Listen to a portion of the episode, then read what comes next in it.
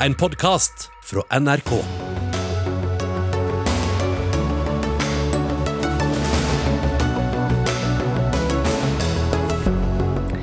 SAS-piloter vurderer å trekke selskapet for retten fordi de ikke får jobben sin tilbake etter pandemien. Pilot møter tidligere arbeidsgiver i Dagsnytt 18. Kongen og dronningen bør ikke dra til Beijing, mener SV, som oppfordrer til politisk boikott av OL. Vil vi protestere, bør vi være til stede, svarer Høyre. Støres uttalelser om fortsatt oljeleting for å få til det grønne skiftet er parodisk, sier miljølobbyist. Helt feil, svarer Industri Energi, som møter AUF til debatt. Og mangel på drivstoff skaper krisestemning og motstand mot brexit i Storbritannia. Det spøker for nok kalkun i hyllene til jul. Velkommen til Dagsnytt 18 denne fredagen, der vi også skal snakke om den nye klimastrategiplanen til universitetet, som blir beskyldt for å ligne på Blekkulf-kampanjen. Jeg heter Anne Katrine Førli. Da skal vi begynne med SAS. For under pandemien ble mange SAS-piloter permittert og oppsagt. De permitterte har fått tilbake jobbene sine, men eh, over 500 oppsagte piloter som mener at de fikk lovnad om å få jobben tilbake innen fem år, får likevel kanskje ikke dette. Og Fagforeningene mener dette er løftebrudd, og vurderer nå å trekke SAS for retten. Og En av disse oppsagte SAS-pilotene, det er deg, Anders Eikeland. Du var pilot i SAS fra 2016. Så ble du oppsagt, og hvilken beskjed var det du fikk da du ble oppsagt? Nei, Jeg hadde min siste arbeidsdag i eh, desember i fjor, og i januar så fikk vi beskjed av SAS hold på uniformen, ha den hjemme, ha den klar. Og Så snart trafikken øker, så er dere hjertelig velkommen tilbake. Vi fikk også beskjed om at ja, dere har jo en femårs reansettelsesrett i SAS. Og vi har også hatt jevnlige møter med ledelsen i SAS gjennom hele pandemien, hvor de har sagt at eh, ja, senest bare i mai at når trafikken går opp igjen, så vil vi ha dere tilbake. Så tar det et par dager, For et par dager siden så får jeg beskjed om at det gjelder ikke lenger. For nå har SAS funnet en juridisk finurlighet hvor de fjerner den retten på at vi får lov til å komme tilbake til den gamle arbeidsplassen. Hvordan, hvilken beskjed er det du har fått som gjør at du tar, kommer med den tolkningen? Beskjeden er jo at de skal skille ut pilotene i et eget datterselskap. Eh, og at eh, det er der rekrutteringen skal foregå fremover. Og ikke bare det. Eh, jeg er ikke engang kvalifisert. Det er ingen av vi norske pilotene i Norge som er blitt oppsagt som er kvalifisert. Hvis vi skal få den jobben, så må vi kjøpe et kurs som koster mellom 400 000-500 000 kroner for å få lov til å fly jobben som jeg hadde før. Og det er blodig urettferdig. Hva er det sertifikatet for vi som ikke kjenner det? Det er for ja. å kunne fly Airbus, som nå er annerledes enn da dere var eller faser ut dette Boeing 737 og bytter det ut med Airbus A320. Og Det er det sertifikatet ingen norske piloter som er oppsagt har. Og det er det som gjør oss ikke kvalifiserte til å begynne i selskapet. Og du har fått beskjed om at det er et krav? Det, det er et krav å ha det sertifikatet. Eh, eller det vil si Eivind sier at vi har lov til å søke på jobben, men hvem som helst kan jo søke på en jobb. Men hva hjelper, hva det hvis du ingen ønsker å altså Du er ikke kvalifisert, du har ikke et sertifikat til å ha det. Han ser allerede bort på deg, Eivind Bjurstrøm. Du er direktør for planleggingstjenester i SAS. Hvorfor får ikke piloter da som Eikeland eh, automatisk komme tilbake til jobben, slik som eh, han mener at dere hadde lovet dem? Først, først og fremst tror jeg det er viktig å rydde opp litt her i, i forhold til de påstandene som blir lagt. Vi, eh, vi har ikke lovet noen eh, jobben tilbake på den måten utover at vi har gitt de en gjenansettelsesrett dersom det skulle være behov for gjenansettelser i SAS Skandinavia. Og det er det nå? Eh, nå er det ikke behov for gjenansettelser i SAS Skandinavia. Det vi har behov for å, å ansette til nå, det er våre nye eh, produksjonsplattformer, SAS Connect og etter hvert også SAS Link. Eh, så Det er det vi rekrutterer til. Det er de nye datterselskapene deres, men dere har behov for flere piloter som Eikeland? Ja, og pilotene i dette tilfellet skal gå til disse virksomhetene. Disse virksomhetene de skal nå rekruttere til base i Danmark, og der har vi åpnet opp for alle tidligere eh, SAS-ansatte. Vi har åpnet opp for eksisterende SAS-ansatte som ønsker å bytte. Og vi har altså åpnet opp for alle andre søkere i markedet. Mm. Men så sier Eikeland her at For å få da lov til å søke på disse jobbene i disse to selskapene, som han opplever er sin gamle jobb, så krever dere nå at han da skal ha dette flysertifikatet for å kunne fly Airbus. og Det er alle vi som flyr veldig glad for at pilotene kan. Men at han må betale det altså den summen, da 400 000 kroner selv. Er det rimelig? Det er et krav for våre eksterne søkere at de skal ha disse rettighetene, dette rettighetsbeviset som vi viser til her, som, som, som sier at du har rett til å, å utøve flytjeneste på den spesifikke flytypen. Eh, det vi har sagt er at eh, alle kan søke, og vi har naturligvis langt flere søkere enn det vi har eh, posisjoner til, i hvert fall nå under oppstarten. Og Da er det viktig å forstå at da vil jo denne virksomheten velge de søkerne som har denne type kvalifikasjon. Ja, det er jo det som er hele problemet. Vi er ikke eksterne søkere, vi er interne søkere. Vi har jobbet i SAS i mange år, dette er vår arbeidsplass. Og så sier du plutselig at vi ikke er kvalifisert til å søke på den jobben. Det er jo, jo ingen mening. Jeg sier ikke at du ikke er kvalifisert til å søke på jobben, tvert imot så sier jeg at du er kvalifisert til å søke på jobben, men når vi gjør en seleksjonsprosess blant de søkerne som har søkt disse stillingene, så vil vi foretrekke de som har denne rettigheten. Ja, med andre ord så gjør dere alle norske piloter, inkludert meg, helt fullstendig ikke kvalifiserte til å søke der, med mindre vi betaler 400 000 kroner for dette her. Det er, ikke, det er, ikke, det jeg sier. Jeg sier at i den søkermassen som vi har til de posisjonene, så anser jeg at vi får dekket det behovet med de som er kvalifiserte. Det er enhver virksomhetsrett å velge de de mener er best egnet til akkurat disse. Og det er klart det å påta seg unødige kostnader for å bemanne disse posisjonene, det vil være lite hensiktsmessig. og da sier du vel egentlig rett ut, Bjørstrøm, at du vil ha kompetente piloter, og du vil mm. ikke ta på deg ekstra kostnader. Altså Eikeland og hans eh, like de vil ikke kunne få disse jobbene. Nei, Hvis Eikeland ikke har den, så vil ikke han komme først i den prioriteringsrekkefølgen. Da er det ingen norske piloter som har rett i avisen er oppsagte til å søke på de stillingene. Det du sier. Ingen har rett. Alle har mulighet til å søke. Ja, Du har en gjenansettelsesrett, og den har dere fint greid å finte unna oss. Vi sitter på Nav. Vi, er, vi har vært arbeidsledige. Flere har vært arbeidsledige i ett og et halvt år. Mm. Og, så, og, så, sitter du her og sier at, at, jeg har ikke gjenansettelsesrett på den stillingen som dere bare skiller ut av selskapet på den måten der. Hvor, altså hvor, du er jo pilot du også, Eivind. Jeg har vært pilot. Ja, du har vært pilot. Mm. Du, er, du, du, har vært pilot på 737 du også. Syns du at dette er rimelig ovenfor oss? Jeg syns det er rimelig at vi i SAS velger å gjennomføre det programmet vi kjører nå. Vi endrer hele virksomheten for å sikre lønnsomhet i hele SAS-gruppen. Så du får ikke lønnsomhet ved å ansette oss som har blitt, blitt sparka? La meg få lov å trekke ut og snakke ferdig, det har vært fint. Uh, det jeg sier er at Vi er nødt til å sikre lønnsomhet i hele SAS-gruppen. Det betyr at vi er nødt til å bygge opp disse nye virksomhetene, og da er vi nødt til å gjøre det på den mest mulig effektive måte. Det er det som kommer til å sikre deg mulighet for gjenansettelse i SAS Skandinavia hvis du ønsker å bruke den rettigheten, alternativt søke på de stillingene som oppstår fordi vi klarer å møte det markedet som ligger foran oss post-covid. Og da, Der må jeg bare bryte inn og ta med oss, for vi har også med oss en til eh, fra Bodø. Der er du med oss, Alexander Vasland. Du er nestleder leder i LO-forbundet Norsk Flygerforbund, og representerer flere av disse oppsagte SAS-pilotene. Dere vurderer å trekke SAS inn for retten her. Hvilke lover er det dere mener selskapet har brutt? Nei, Vi mener at selskapet bryter fundamentalt med inngåtte rettigheter i forhold til gjenansettelse, som, eh, som Anders er inne på.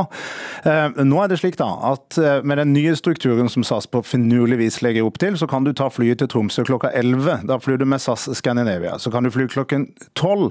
Da flyr du med SAS Connect. Og klokka 1 så flyr du med SAS Link. Dette er flygere SAS trenger.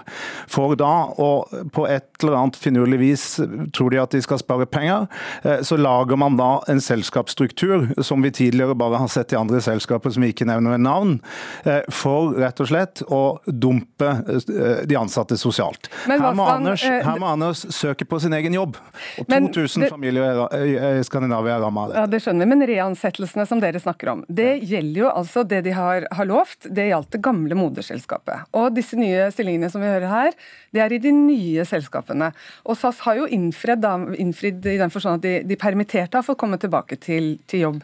Så da er jo løftene ikke brutt eh, helt her, da? Løftene er brutt også i forhold til at det finnes en gjenansettelsesrett for de som er sagt opp i SAS Skandinavia. I stedet for da å ta disse tilbake i SAS Skandinavia, så lager man en selskapsstruktur bestående av datterselskaper eh, som eh, i sum bryter totalt med et seriøst og anstendig arbeidsliv. Vi ser nye selskaper i Norge, vi ser eksisterende selskaper i Norge går i stikk motsatt retning. Man ansetter i moderselskapet, man trekker de nærmere inn til seg, man har tariffavtaler, eh, og i stedet gjør SAS da altså et krumspring hvor man splitter dette opp. Og dette er store paradokset er jo at SAS gjennom det skandinaviske fellesskapet nå i pandemien har fått milliarder av kroner for å komme seg over denne kneika, på lik linje med andre flyselskaper. Eh, kvitteringen, kvitteringen for dette er da altså at Anders må søke på sin egen jobb. Da må du svare på det, Bjurstrøm. Det skal jeg eh, naturligvis svare på, og jeg må korrigere Vassland eh, kraftig. For det første så har vi jo tariffavtaler som regulerer eh, virksomheten i disse selskapene med det største fagforbundet i, i Danmark, det danske virksomheter. Så det er klart at å påstå at dette er tariffløs virksomhet, det er å skyte litt langt over mål. Det er det første. For det andre så er vilkårene fullt ut konkurransedyktige. Det er ikke snakk om verken sosial dumping eller annet. Det, det, vil vise seg for alle som søker disse jobbene. Og som sagt, vi har et stort antall søkere bare etter én dag med annonse ute for disse stillingene. Når det gjelder det andre, så kan vi si at eh, vi kommer til, naturligvis, i det, i det øyeblikket det er grunnlag for og bærekraft i å ekspandere SAS Skandinavia, så vil vi naturligvis gjøre det. Da betyr det at Anders og, og andre kan bruke den eneansettelsesrett de har, som er, eh, som er, en god ordning, som vi, som vi har gitt i forbindelse med den vanskelige prosessen vi har vært igjennom. Det er utrolig viktig å forstå at hvis ikke SAS lykkes med den transformasjonen vi er inne i nå, får ned kostnadene for hele produksjonen vår, ja, men så er det en fare for at SAS overlever. Og da snakker vi om at ingen av oss har jobb. Så her tror jeg det er viktig liksom å skille med, mellom eh, hva man eh, hva man påpeker. Det hjelper jo ikke det Eikeland å få jobb hvis, det, hvis uh, SAS går konkurs av den grunn? Nei, altså selvfølgelig. Ingen er jo tjent med at SAS kan gå konkurs i det hele tatt, men man må også kunne forvente at en så stor aktør som SAS faktisk stiller opp og tar et samfunnsansvar og gir de ansatte grei, altså, hva skal jeg si, levelige vilkår.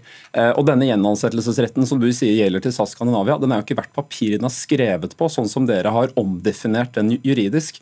Og Jeg tror jeg snakker på vegne av veldig mange kollegaer både i cockpit og kabinen hvis jeg sier at det eneste jeg ønsker fra deg her i dag, det er hvis du kan si til meg at dere skal få lov til å slippe å søke på din egen stilling, for å så få beskjed om at nei, beklager, jeg vet at du har flydd Oslo-Bergen de siste fem årene, men nå er du ikke god nok, vi vil ikke ha deg. Hvorfor skal jeg gjennom et opptak på min egen arbeidsplass som jeg har hatt i så mange år?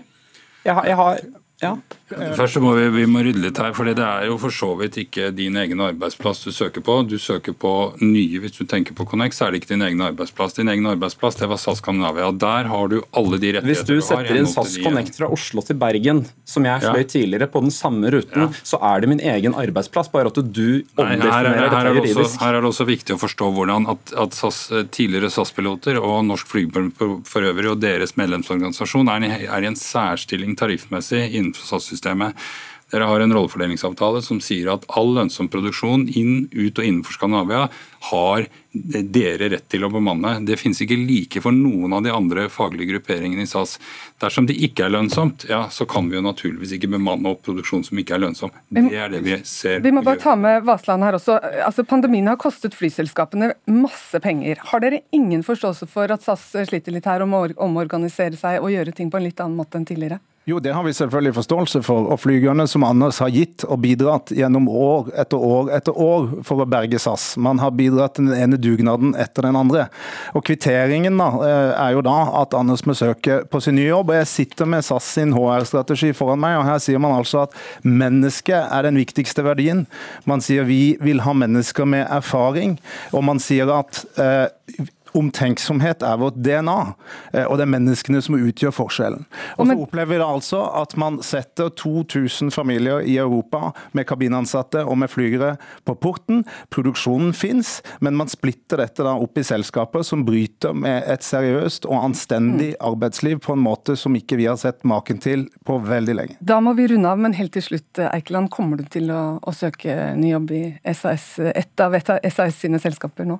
Det er jo SAS Skandinavia som alle vil tilbake til. Og jeg, jeg har jo ikke noe valg, jeg kan jo ikke sitte på Nav fordi at SAS ikke er villig til å vise fire på én tomme for å få oss tilbake i jobb.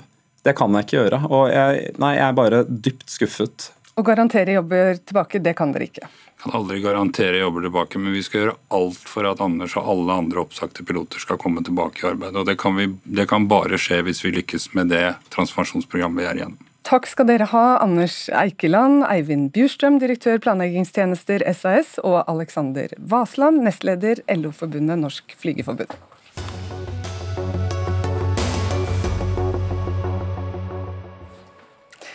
Kombinasjonen av brexit og pandemi har ført til store problemer for britisk næringsliv.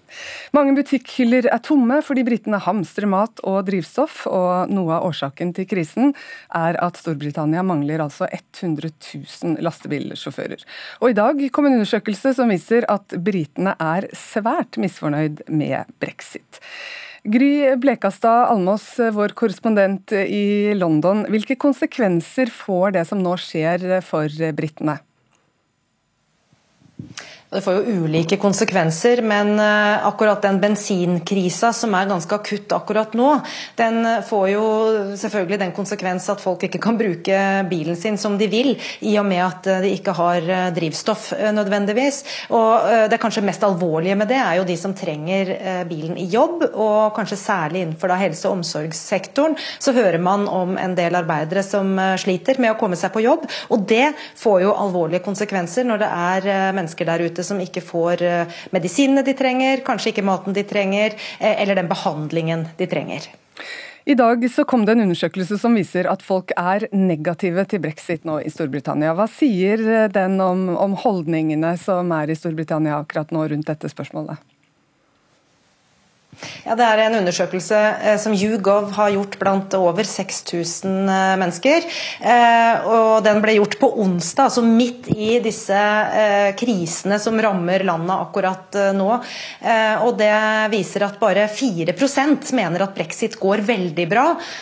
Og så øker det jo litt når du spør de som syns det går litt bra, så er man oppe i 18% Mens det da er til sammen 53% som syns det går enten veldig dårlig dårlig eller litt dårlig. Og så er det over 20% som ikke har noe mening, som kanskje da ikke merker noen egentlig forskjell, eller i hvert fall ikke setter det i sammenheng med brexit. Men det er ikke noe tvil om at det er gode kår for misnøye i Storbritannia akkurat nå.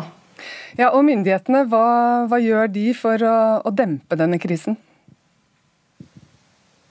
Det gjøres uh, ulike ting. Nå kom bransjen uh, når det gjelder akkurat uh, bensinkrisa i dag med opplysninger om at det går litt bedre, at det er litt flere bensinstasjoner som nå har fått leveranser.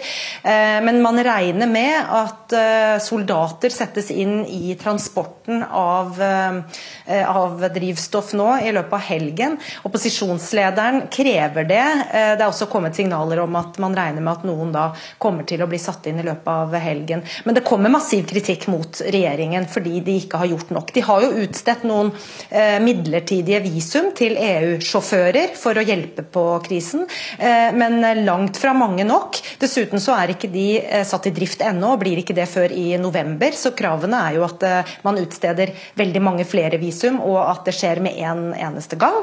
Men så er det jo spørsmål rundt arbeidsvilkårene for sjåfører i Storbritannia. Eh, for verken lønnsforholdene er spesielt gode, heller ikke arbeidsforholdene. Det klages mye over at eh, de ikke finner gode steder å parkere bilene. De må sove i bilene sine. De får ikke ordentlig forhold for å spise skikkelig mat osv. Og, og så er det et lønns... Lønna ligger på rundt 10 pund i timen, så det er ikke veldig lukrativt. og Mange spør seg jo da om EU-sjåfører gidder å komme til Storbritannia når dette nødvisumet skal vare bare fram til jul for å redde britenes julefeiring feiring. Vi skal ta med oss Øyvind Svendsen også. Du er seniorforsker ved Norsk utenrikspolitisk institutt, der du har forsket på brexit. I hvilken grad eh, tenker du at brexit er årsaken til at Storbritannia nå mangler arbeidskraft? Jeg tror det er nok mange som vil gni seg i hendene nå og si at eh, der kan dere se Storbritannia, sånn gikk det. Dette er konsekvensen av brexit, og det må dere leve med. Men jeg tror nok at hovedpoenget her er at denne krisen som Storbritannia står i nå, er ikke først og fremst et resultat av brexit, men brexit gjør det mye verre. Altså Den brexit-varianten som Storbritannia gikk for, som Boris Johnson sørget for, den er med på å gjøre eh, det verre enn det hadde trengt å være. For Når næringslivet lenge har bedt om flere arbeidstillatelser for utlendinger, så har samferdselsministeren bl.a. svart at Storbritannia må stå på egne bein nå. Vil Storbritannia klare det? Nei, Det har jo Boris Johnson på en måte innrømmet at det klarer de ikke, fordi han har utstedt disse 5000 eh, midlertidige eh, visumtillatelsene som, som, ble nevnt her. Eh, men samtidig så vil jo de som var for brexit, de vil jo si at ja, men dette viser jo at vi, vi nå har makt til å bestemme selv. De kan ikke komme og gå som de vil, men når vi har behov for dem, så kan vi gjøre denne type grep, ta politiske beslutninger som kan, som kan løse problemer på våre premisser. Og Så gjenstår det også, som det ble sagt, å se om det faktisk kommer arbeidskraft fra Europa. Det er lastebilsjåførmangel i hele Europa som gjør at, eh, og med liksom Storbritannias syn på eh, europeere, rumenere, polakker, de som gjerne kjører eh, lastebil, eh, om de får et valg mellom å kjøre i Tyskland nært hjemme hvor de kan dra hjem når de vil, eller om de vil kjøre i Storbritannia, det gjenstår å se. Vi kan ta med Gry Blekastad Almås til slutt her. for Hvilke andre sektorer enn varehandelen er det nå som merker mangelen på, på arbeidskraft?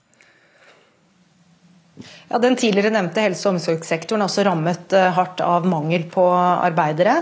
Det samme gjelder kokker. Det er mange restauranter og puber som ikke får kokker til å servere den maten de, de vil. Eh, og så er det landbruket. Sesongarbeidere uteblir. Der er det problemer. Og så er det i svære varelagre, eh, Amazon og, og andre, eh, som selger varer på postordre.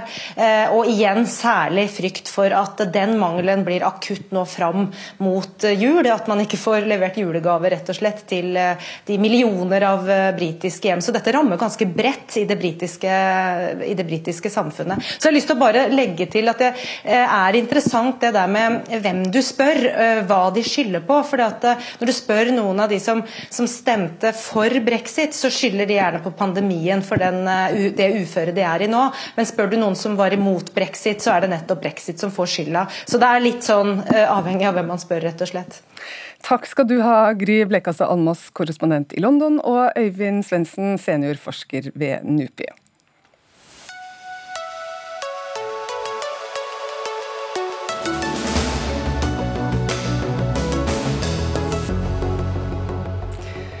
Om fire måneder cirka starter OL i Beijing. Nå har kinesiske myndigheter bestemt at verdens største vintersportarrangement vil foregå uten utenlandske tilskuere. Og For noen uker siden anbefalte flere land at statsledere og politikere ikke bør reise til Kina under OL pga. brudd på menneskerettigheter. Og Petter Eide, avtroppende stortingsrepresentant for SV og tidligere generalsekretær i Amnesty. Du vil ha politisk boikott av vinter-OL i Beijing. Hva innebærer en sånn politisk boikott? Ja, jeg har bare lyst til å si, si en ting. Det er egentlig litt sånn positiv tid vi er inne i. Vi er klar over at det er veldig mange land som tiltrekker seg store internasjonale mesterskap, ehm, og samtidig har alvorlige menneskerettighetsbrudd på samvittigheten. Og De bruker også disse store mesterskapene til å kamuflere disse menneskerettighetsbruddene. Kina er et eksempel på det, og Qatar, som vi har vel diskutert eh, mye, er også et, et eksempel på det. Nå er det faktisk en bevegelse og en reaksjon rundt i hele verden. Det er både idrettsutøvere, det er organisasjoner, det er partier, og til og med EU. EU-parlamentet eh, e har kommet med en resolusjon tidligere i sommer hvor de argumenterer for, eller anbefaler, det vi kan kalle, som du henviste til, et eh, relativt nytt begrep som man kan kalle for politisk boikott. Det det handler om, er at man anbefaler at, eh, at, land skal si nei til invitasjoner fra Kina, til, altså til statsledere eh, og, og, andre. Og Jeg har også anbefalt f.eks. at eh, Norge bør stille seg bak det som EU-parlamentet har foreslått, og at f.eks. den norske kongen ikke bør reise til OL i Kina, nettopp for å markere at uh, vi syns det er greit at dere uh, konkurrerer på idrett, men vi ønsker ikke uh, å, å, å, bidra til at dere skal sole dere i glansen. av så, all den Så vi stiller da ikke med kongen og dronningen, og heller ikke med andre politikere? Det er mitt råd til den nye regjeringen og mitt råd til kongehuset. Tage Pettersen, stortingsrepresentant for Høyre og også president i Norges ishockeyforbund. Kan du støtte en sånn politisk boikott? Altså, I utgangspunktet, hvis, hvis hele verden var enig med at vi skulle gjøre det, så hadde svaret åpenbart vært, vært, ja på det. Men jeg tenker som så at eh, så lenge mesterskapet er tildelt til, til Kina og Beijing, og det er gjort for, det må vi også huske i denne debatten, det er gjort for mange mange år siden. Jeg tror ikke Kina hadde fått et OL i dag, bare for å være veldig tydelig på det. Så tror jeg at det er en arena hvor vi vi faktisk kan, og våre politiske ledere faktisk kan være veldig mye mer tydelige overfor kinesiske myndigheter enn ved å være hjemme og sende et signal.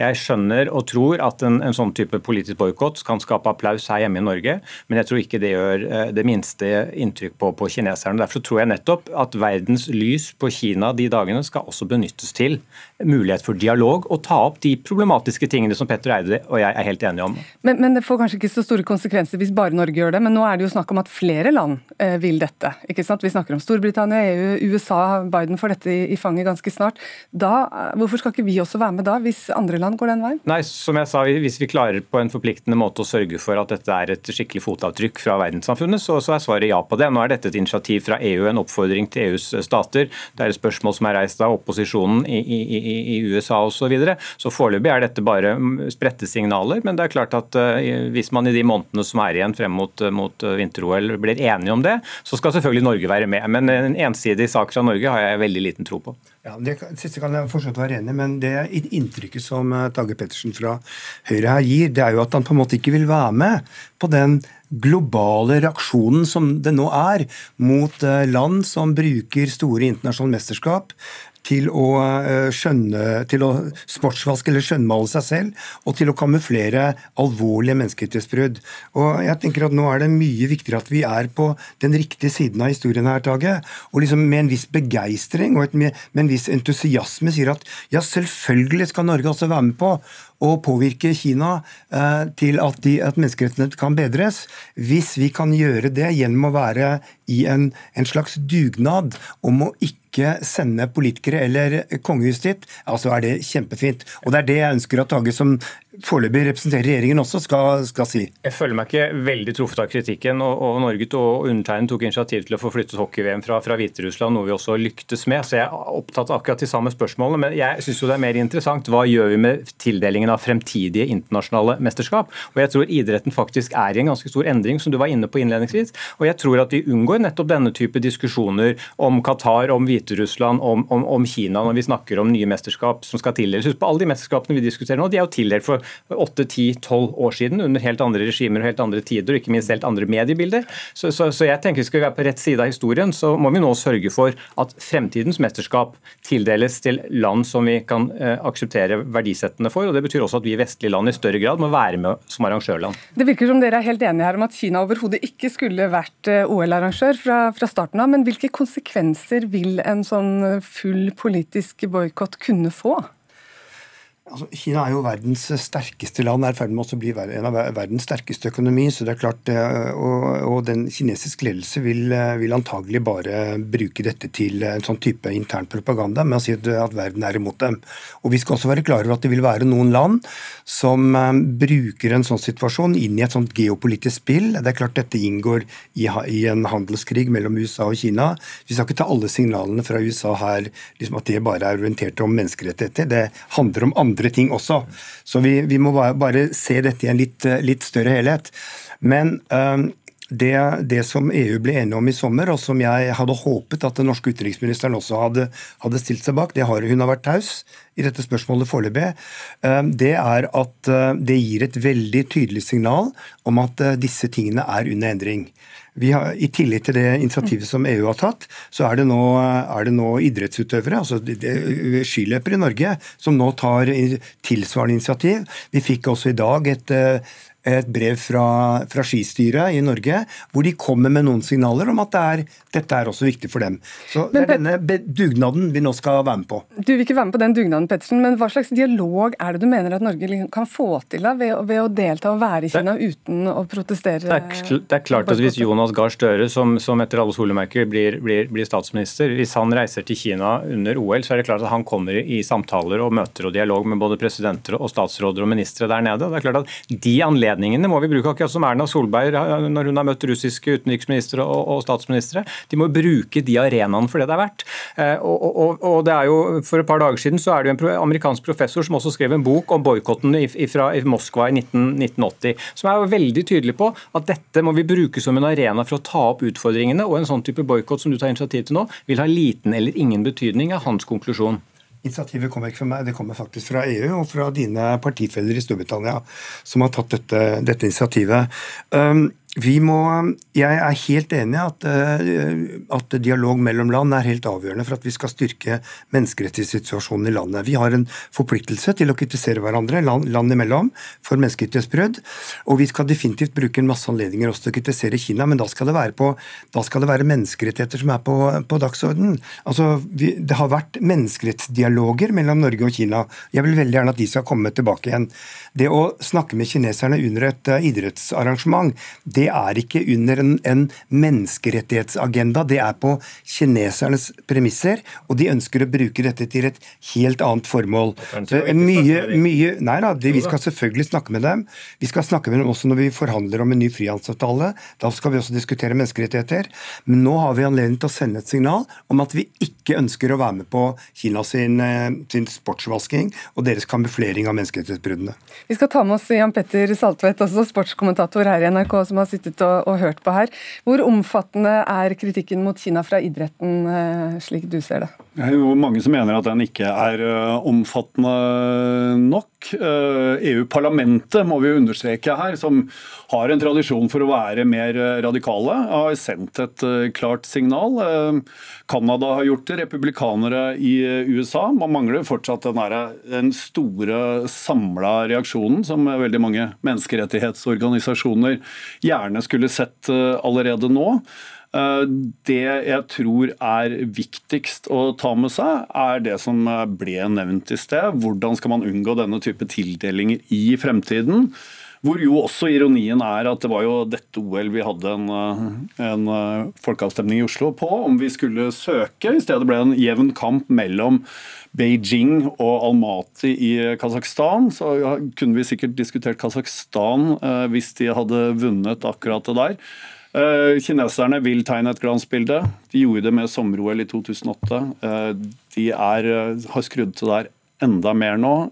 I tillegg, nå skal ingen utenlandske tilskuere inn. Ingen skal gå rundt i gatene og lure på hva de ser. Og media skal være akkurat der kineserne vil. Jeg tror jo um, Men Tror du du går mot en politisk boikott her? Eh, nei, jeg tror ikke det. Eh, dessverre, eh, må jeg si rent personlig. Jeg har, skulle ønske at man fikk en eller annen form for signal om at det er såpass mange brudd på menneskerettigheter som man tar avstand fra. Man ser allerede Canada, som var ganske tøffe ved Trudeau for noen måneder siden er nå på vei til å komme i dialog med kineserne, som Petter Eide sa i sted. Dette dreier seg om litt mer menneskerettigheter også. Ja, for Langrennsstjernen Johannes Høstflot Klæbo sier at vi i Norge bør være opptatt av menneskerettighetene i Kina, men sier at han har manglet litt støtte for det fra, fra Skiforbundet f.eks. Har han rett i det? Ja, det tror jeg definitivt han har rett i. Norges idrettsforbund har eh, heller ikke vært i nærheten av å være klare nok på hva slags signaler de sender, og vil at utøverne skal eh, sende. og og hva man kan forvente av dem. Så kom Norges Brettforbund med et initiativ i eh, vår som førte til at det nå har kommet et eh, dokument om hvordan man skal eh, oppføre seg, og hva man skal tørre, inkludert, som jeg i hvert fall håper på, bruk gjerne det å stå på en seierspall, som ganske mange nordmenn kommer til å gjøre i Beijing, til å fortelle det man syns man kan om hva man syns om menneskerettighetssituasjonen. Tusen takk skal dere ha. Tage Pettersen, stortingsrepresentant Høyre, Petter Eide, avtroppende stortingsrepresentant SV, og Jan Petter Saltvedt, sportskommentator her i NRK.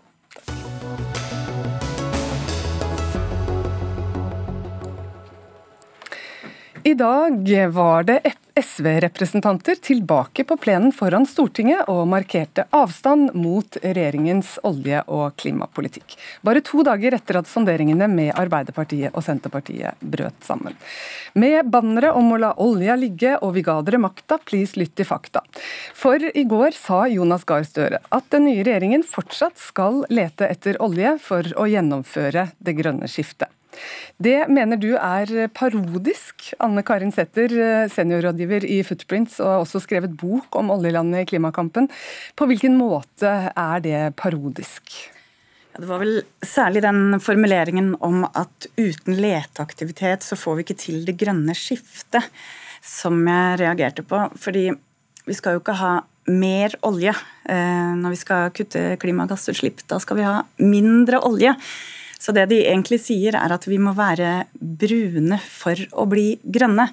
Og det eh, mener jeg at ikke henger helt på greip. Og så må vi jo huske at den retorikken her er noe som er kommet fordi oljeindustrien har behov for å forsvare seg i ei tid der det er mye motstand.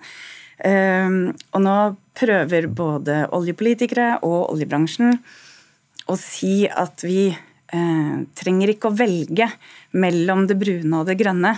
Vi kan få begge deler samtidig. Eh, og det stemmer jo ikke. Vi kan ikke gå for fullt nedover mot Eh, olje og for fullt mot eh, fornybar og grønne løsninger samtidig. Ja, Vi har med oss Frode Alfheim også. Du er forbundsleder i Industri og Energi.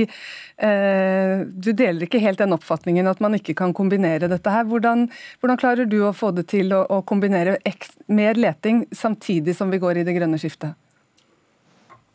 Ja, Da tror jeg vi må ta både diskusjonen om olje og klima inn i et globalt perspektiv. Og eh, Da ser vi at eh, ser vi til Europa, som er de vi som produserer eh, gass og Europa for, så er det jo energikrisa der som gjør at vi burde jo egentlig ha kunnet tilby de større mengder med gass. For de, I mangel på annen energi så fyrer de nå opp med, med kullkraft, som har togangen med utslipp av CO2 kontra gass. Tar vi eh, Storbritannia, som jo sliter med masse spørsmål, jeg eh, viser til debatten tidligere i sendinga her, så er det jo alvorlig energikrise som skyldes at de ikke har tilgang til nok energi til befolkninga. Vi kjører alt vi kan av gass i gassrøret over til, til Isington. Vi kommer til å eksportere gass tilsvarende eh, godt over 1,5 gang alt av vannkraft i Norge. Allikevel monner det ikke. Og Gasskraftverk som de tidligere har greid å stenge ned pga. at vi har kunnet tilby de gass, eh, der åpner de igjen. og Det er jo det som skjer dessverre i store deler av Europa. Det er at kullkraft har fått en renessanse, sånn at de skal kunne tilby befolkninga si energi på samme måte som vi i Norge ønsker at vi skal ha altså strøm til, til, matforsyning, til oppvarming, til lading av mobiltelefon osv. Men, men Alfheim, eh, du snakker om de globale forholdene her, men hvordan i alle dager skal vi, hva er det du skal gi for at vi skal kunne nå klimamålene eh, før 2030, hvis vi skal fortsette sånn som vi gjør nå? Hva er det du ja, har? Må da må vi fortsette med det vi har vært veldig gode på på norsk sokkel. Det er å kunne ta ned utslippene av CO2 per produsert eh, enhet. Et av de tiltakene som vi burde heie på, er jo fangst og lagring av CO2, sånn at vi i framtida kan tilby ikke bare gass, men vi kan tilby gass som er strippa for CO2, altså en, en CO2-fri gass. Enten i ren form eller i form av hydrogen. Da tar vi den eh, direkte til deg, Sæther. Kan det løse problemet?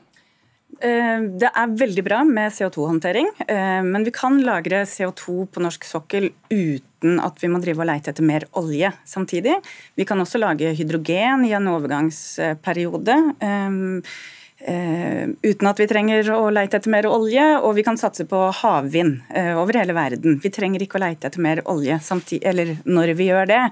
Og jeg vil minne om at Fatih Birol, sjefen i Det internasjonale energibyrået, IEA, han sa her i mai, da de kom med sin rapport, at uh, hvis regjeringene mener alvor med klimakrisen, så kan det ikke investeres i ny fossil energi fra nå av. Og EU, som eh, Alfheim viser til, de har veldig ambisiøs klimapolitikk eh, framover. De skal kutte enormt mye, og de vil i større grad være sjølforsynt med energi også. Alfheim, hører du ikke på disse tydelige signalene som kommer? Og jeg mener at Vi skal være med i lag med Europa og investere i ren fornybar. Men problemet er at ren fornybar er enten sol, som aldri skinner hele tida. Det er vind som ikke blåser hele tida. Det er jo det som er årsaken til at eh, det er kriser i Storbritannia og andre land. Og, og, Det er der vi er nødt til å kunne tilby noe som gjør at du, du har energi når det ikke er sol, når det ikke blåser osv. Da er det jo sånn at vi kan tilby hydrogen, men du må bruke energi for å lage hydrogen. Og du kan ikke lage hydrogen uten eh, innsatsvaren. Derfor er vi jo nødt til å, å tilby hydrogen som vi kan stå bak med at vi faktisk har reservoarer som forsvarer både leveranser av ren gass, men òg blå hydrogen i årene framover. Du kan ikke lage blå hydrogen uten gass. Vi skal, vi, skal, ta med oss en til her. Astrid Hoem, leder i AUF, Arbeiderpartiets ungdomsorganisasjon. Dere la fram deres krav til regjeringsforhandlingene i går. Hvordan i alle dager skal dere få gjennomslag eh, for stans i oljeletingen når både Arbeiderpartiet og Senterpartiet er så tydelige på at det ikke skal skje? Altså det skal vi gjøre som AUF alltid har gjort, med å kjempe for gjennomslag. Både når Arbeiderpartiet ikke har vært i regjering, men også nå når Arbeiderpartiet er i regjering. Det er vår rolle å pushe Arbeiderpartiet rødere og grønnere. Så la vi fram et todelt krav. Det ene handler om at vi ønsker å stoppe å lete etter ny olje. Det andre er jo at vi vil at oljefondet skal ha nullutslippsmål. Eh, begge de to tingene, hvis man får til det, vil være store seire for klimaet. Og så skal vi være den vaktbikkja som passer på at de klimakuttene som Jonas lovde, på 55% kutt, som er ganske mye mer enn dagens regjering har hatt som mål, også skal følges opp. For du, du, har forståelse for at miljøbevegelsen nå er skuffa over ditt eh, parti og det som har skjedd etter at eh, SV ikke fikk gjennomslag for sine miljøkrav. De var allerede på plenen foran Stortinget i dag. Eh, er du også klar for det? Altså jeg er skuffa over at eh, SV ikke ønsker å gå inn i regjering, men det som har vært diskutert på Hurdalen, det vet ikke jeg hva er. Og min rolle og AF sin rolle det er å pushe på for at Arbeiderpartiet alltid er rødere og alltid er grønnere. Og der har vi også fått store gjennomslag. Da. Jeg tror det blir en taktskifte i klimapolitikken i Norge. Nettopp fordi at Jonas har vært så tydelig på at vi skal kutte 55% av klimagassutslippene våre. Vi skal nå klimamålene. Eh, oljefondet skal ha nullvisjon. Og så mener jeg i tillegg at vi er nødt til å slutte å lete etter olje. og Det mener jeg av to grunner. Det ene handler om klima. Det er åpenbare. Både FN har meldt kode rød, IEA har sagt at vi er nødt til å gjøre alvor ut av det. Men det handler også om økonomien. Fordi Hvis ikke Norge nå omstiller seg veldig raskt, så havner vi kanskje økonomisk i bakleksa i konkurransen med resten av landene i Europa, som kommer til å gå over til mer fornybart, som kommer til å kreve mer fornybart. Og Da må Norge også være det landet som leverer mer av det som kommer til å etterspørres. Ja, Det kan du forstå, Alfheim, at vi må være mer opptatt av det økonomiske, og etterspørselen etter olje går ned, etterspørselen etter andre ting går opp, og da må vi bruke penger der eh, fremtida ligger. Nå er det sånn at eh, Etterspørselen etter olje går faktisk kraftig opp. Oljeprisen ligger på rundt 80 dollar fatet. Men se bort ifra det. Jeg er jo enig med Astrid at vi er nødt til å, å satse på, på, de nye næringene som kommer. Eh, jeg mener at vi er nødt til, og det er jo, det er jo der jeg mener at vi bygger på skuldrene av den industrien vi har. Mange av de som er aktører innenfor oljebransjen ønsker nå å investere i de nye fornybarnæringene som havvind, hydrogen osv. Da er det viktig at du har et godt samspill mellom myndighetene og industrien for å, å, å, sørge for at Norge skal posisjonere seg i lag med resten av Europa. Både for å få mer energi, men òg for at vi skal få nye føtter å stå på. Fleste... Vi, trenger, vi, trenger, noen tiår der vi er nødt til å bygge opp eh, nye industrier i Norge. Det er gruvedrift vi holder på med på sokkelen. Alle er enige om at vi trenger det grønne skiftet her, eh, men veien dit eh, er dere litt uenige om, Sæther? Ja, Det er jo en direkte konflikt mellom å satse på eh, fossil energi og fornybar energi. Forskning har vist at i de periodene som det har gått litt dårlig med olje, sånn som under finanskrisen i 2009 og under oljeprisfallet i rundt 2015, så gikk det bedre med grønne næringer. Da, det, da økte satsingen på det. Og leverandørindustrien som både leverer til havvind og til um, oljeindustrien. De vil satse mer på havvind hvis de ikke satser så mye på olje. Akkurat nå satser de selvfølgelig mest på olje fordi det er veldig lønnsomt uh, å drive med olje og gass, men det her kommer til å snu seg snart. Er det noe vi veit, så er det at det går uh, nedover med olje- og gassvirksomheten. Det sier Solberg-regjeringa, det sier eh, departementene. Eh, det er det veldig mange oljearbeidere som også ser at det kommer til å gå dramatisk eh, nedover. Og så handler det også om at leiting leting av nye felt, så vet vi jo ikke om det kommer til å være økonomisk bærekraftig. Uh, og det er også viktig, fordi for min generasjon så er både klimaet viktig, men også at vi skal gjøre økonomisk lurevarg for framtida. Da fikk du siste ord. Takk skal dere ha, Anne Karin Sæther, seniorrådgiver i Footprint, Astrid Hoem, leder i AUF, og Frode Alfheim, forbundsleder Industri Energi.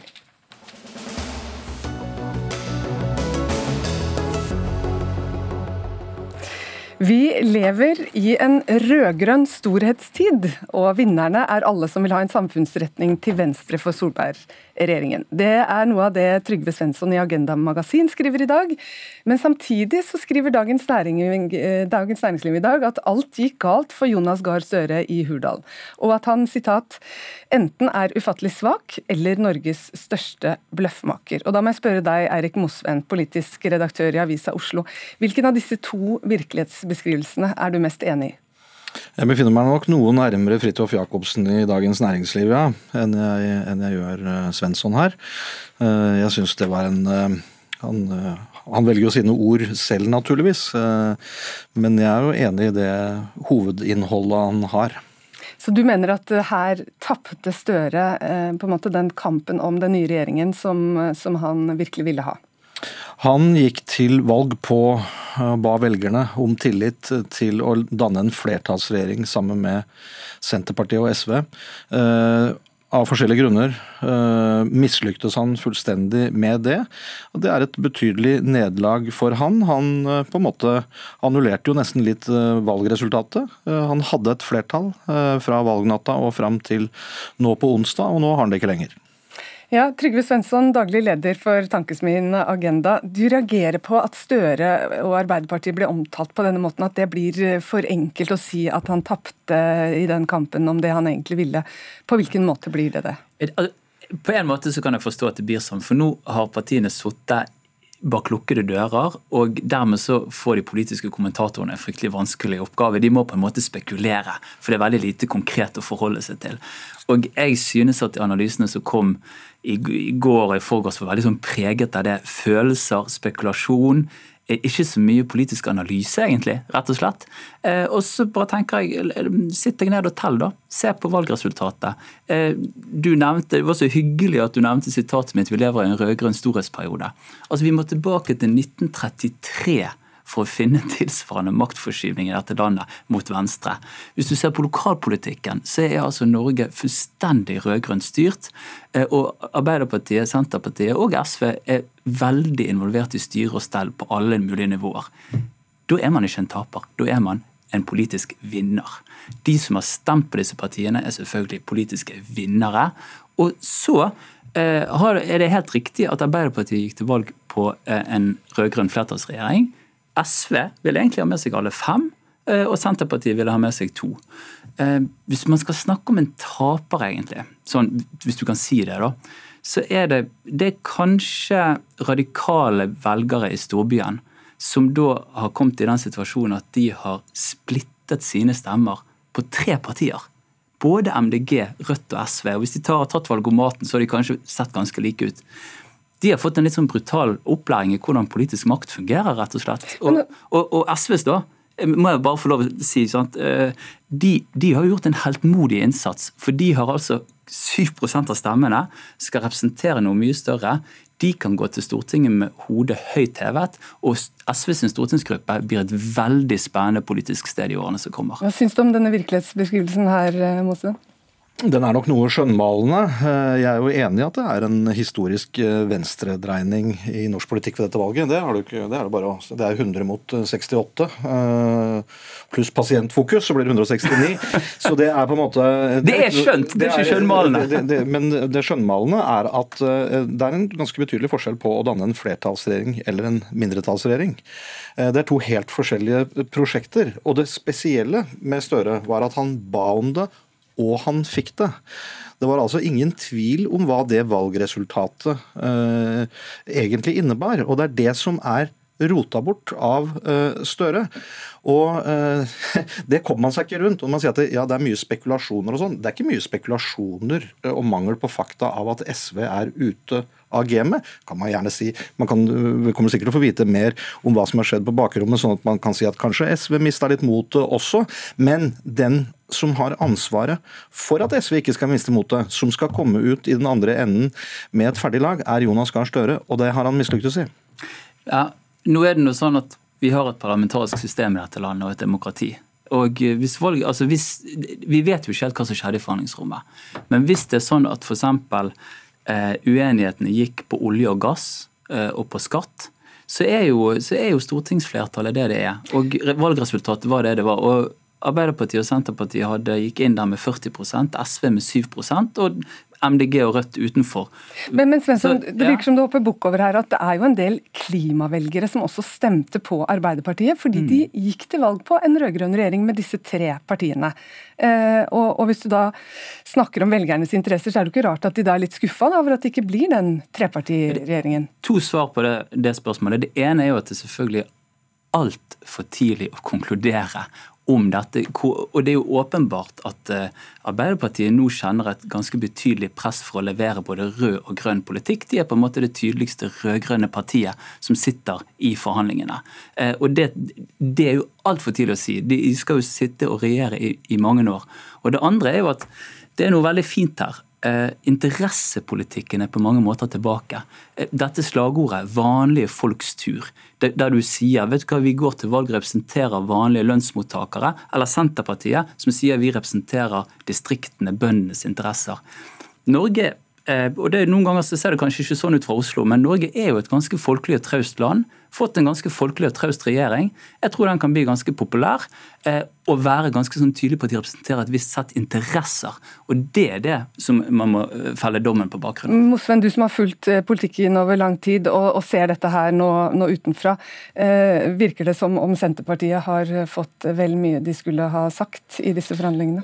Eh, hvis vi skal holde oss til det Jonas Gahr Støre sier, så la altså, satte altså de noen krav til SV som de ikke kunne eh, stå for. Og Så sier eh, Støre at hvis ikke Senterpartiet hadde fått gjennomført det, så hadde ikke de kommet til forhandlingene. Det er ikke da begynner jeg å lure på litt, er det, er det den reelle statsministeren eh, Trygve Slagsvold Vedum, eller er det Jonas Gahr Støre? Eh, hvilket lederskap er det å sette seg i en sånn situasjon at én den nest største parten. fordi Det helt spesielle med dette valgresultatet var jo at det la seg helt usedvanlig godt for Jonas Gahr Støre på nesten alle vis. Og med god margin så fikk han flertall for sitt alternativ med flere mandater. Han var ikke avhengig av Rødt, ikke av MDG. Eh, velgerne stemte ned eh, Frp og Høyre, og alt var perfekt for han. Hvordan i all verden klarte han da å lage en situasjon at han klarte å rote bort noe som og det er samme for, Jeg har ikke noe oppfatning om SV bør sitte i regjering, eller hvem som bør sitte i regjering. Eh, det er det samme for meg. Men det burde ikke vært det samme for han. Og det var det som skjedde. I, I 2013 så gikk Erna Solberg, Høyre og Frp inn i forhandlinger, sonderinger, med Venstre og KrF, som ble brutt. Jeg kan ikke huske at noen kommentatorer da syntes det var fryktelig skummelt og et fryktelig stort tap. Erna Solberg styrte en mindretallsregjering. Den ble sågar altså gjenvalgt i 2017. Og når han gikk på et historisk valgtap i 2021, hvorfor gjorde han det? Det var jo ikke pga. samarbeidskonstellasjonen. Det var fordi at folk var skikkelig lei høyrepolitikk i Norge. og Derfor har du fått et stort progressivt skifte. Jeg tror det finnes masse mulighetsrom. Kanskje litt sånn etter dansk modell. Eh, der eh, sosialdemokratiet styrer og kan danne ulike typer flertall, og har flyttet mange velgere over streken. Når sosialdemokratiets eh, tankesmie skjønnmaler hvordan sosialdemokratiet fungerer, er vel ikke den største overraskelsen jeg har opplevd. Borgerlig avis skriver fryktelig kritisk om sosialdemokratiet. Takk skal dere ha, der må vi sette sluttstrek. Takk. Trygve Svensson, daglig leder i Tankesmien Agenda, og Eirik Mosven, politisk redaktør i Avisa Oslo.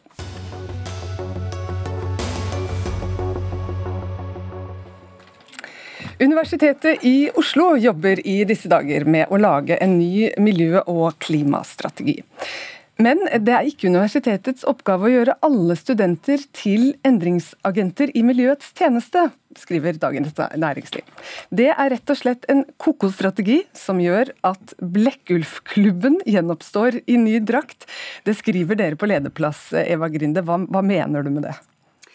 Ja, nei, altså Når vi eh, leser dette forslaget til ny klimastrategi fra UiO, som er ute på høring nå, så eh, der det står at alle studenter immatrikulert ved Universitetet i Oslo skal eh, få verktøy til å bli endringsaktører i klimaets tjeneste, så fikk vi litt sånn assosiasjoner til, en, eh, til Blekkulfklubben, da, som var stor på 2000-tallet, tror jeg det var. Med litt sånn utgangspunkt i en barnebok og en, en TV-serie, men der man kan melde seg inn og bli miljøagenter. Men den, da, til forskjell fra UiO, da var jo frivillig.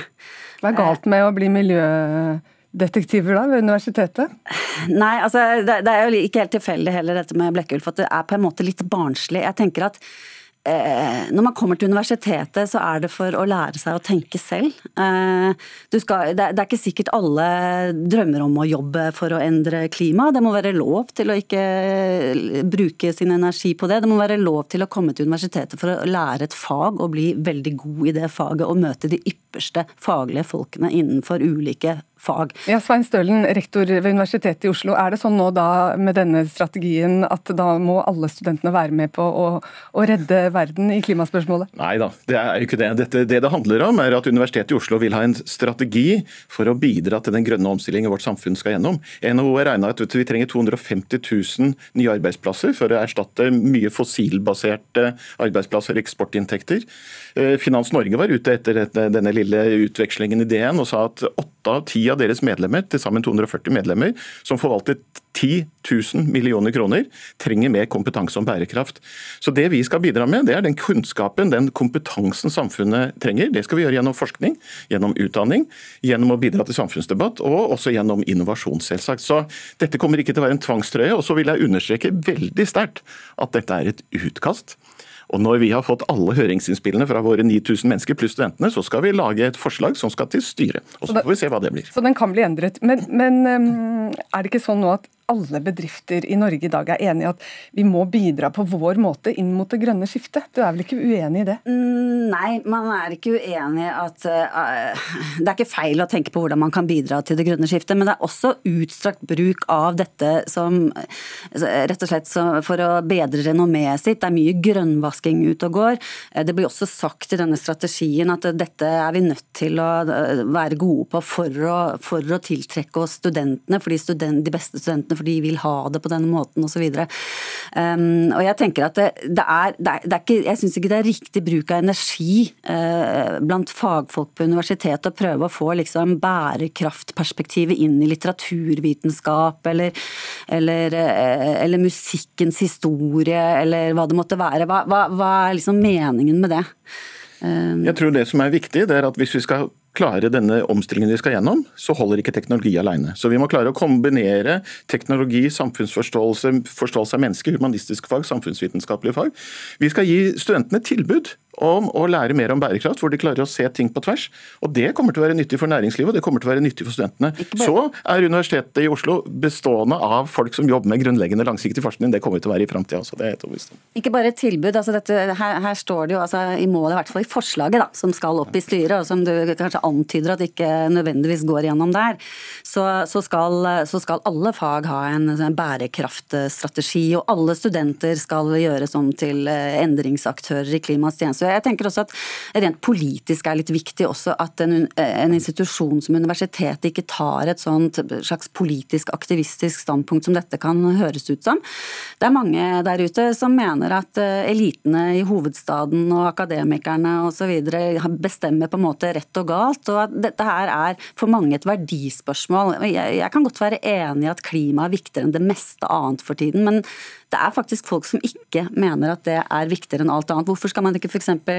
Eh, hva, med, hva med fattige i verden? Hvorfor ja, for, er ikke det Stølen, fordi Du sier at dette er et forslag, men den ligger jo faktisk, eh, dette verdivalget ligger jo også inne i universitetets eh, strategi for, eller strategi for 2030, der de sier at dere skal lede an i det grønne skiftet. Ja, selvsagt. Vi skal bidra til grønn omstilling, og vi skal bidra til demokrati, som er en av våre andre satsinger, eller livsvitenskap. Og så vil jeg si at Hvis vi ikke kan snakke om klima, som alle er enige med er så viktig, så må jeg si jeg er overraska. Jeg står også fram på Facebook om å ha tatt min, min, vaksine. Det er folk som ikke mener at vaksinering er korrekt, men vi kan ikke komme dit at vi skal liksom bli helt nøytrale, fordi øh, det kan, hva skal vi si, det er fortsatt noen som mener at klima ikke sant? Så klima er en utfordring. Det tror jeg at vi skal øh, være opptatt av. Så ligger det til og med i UH-loven at universitetene skal bidra til bærekraftig utvikling. Ja, men nei, Det er ikke snakk om at man ikke skal få lov til å snakke om det. og Det er heller ikke snakk om at universitetet ikke skal og bør ha en strategi, men det bør satse på der hvor universitetene er sterkest. Altså på grunnforskning, på innovasjon, på sam, eh, samarbeid med næringsliv osv. Og, så og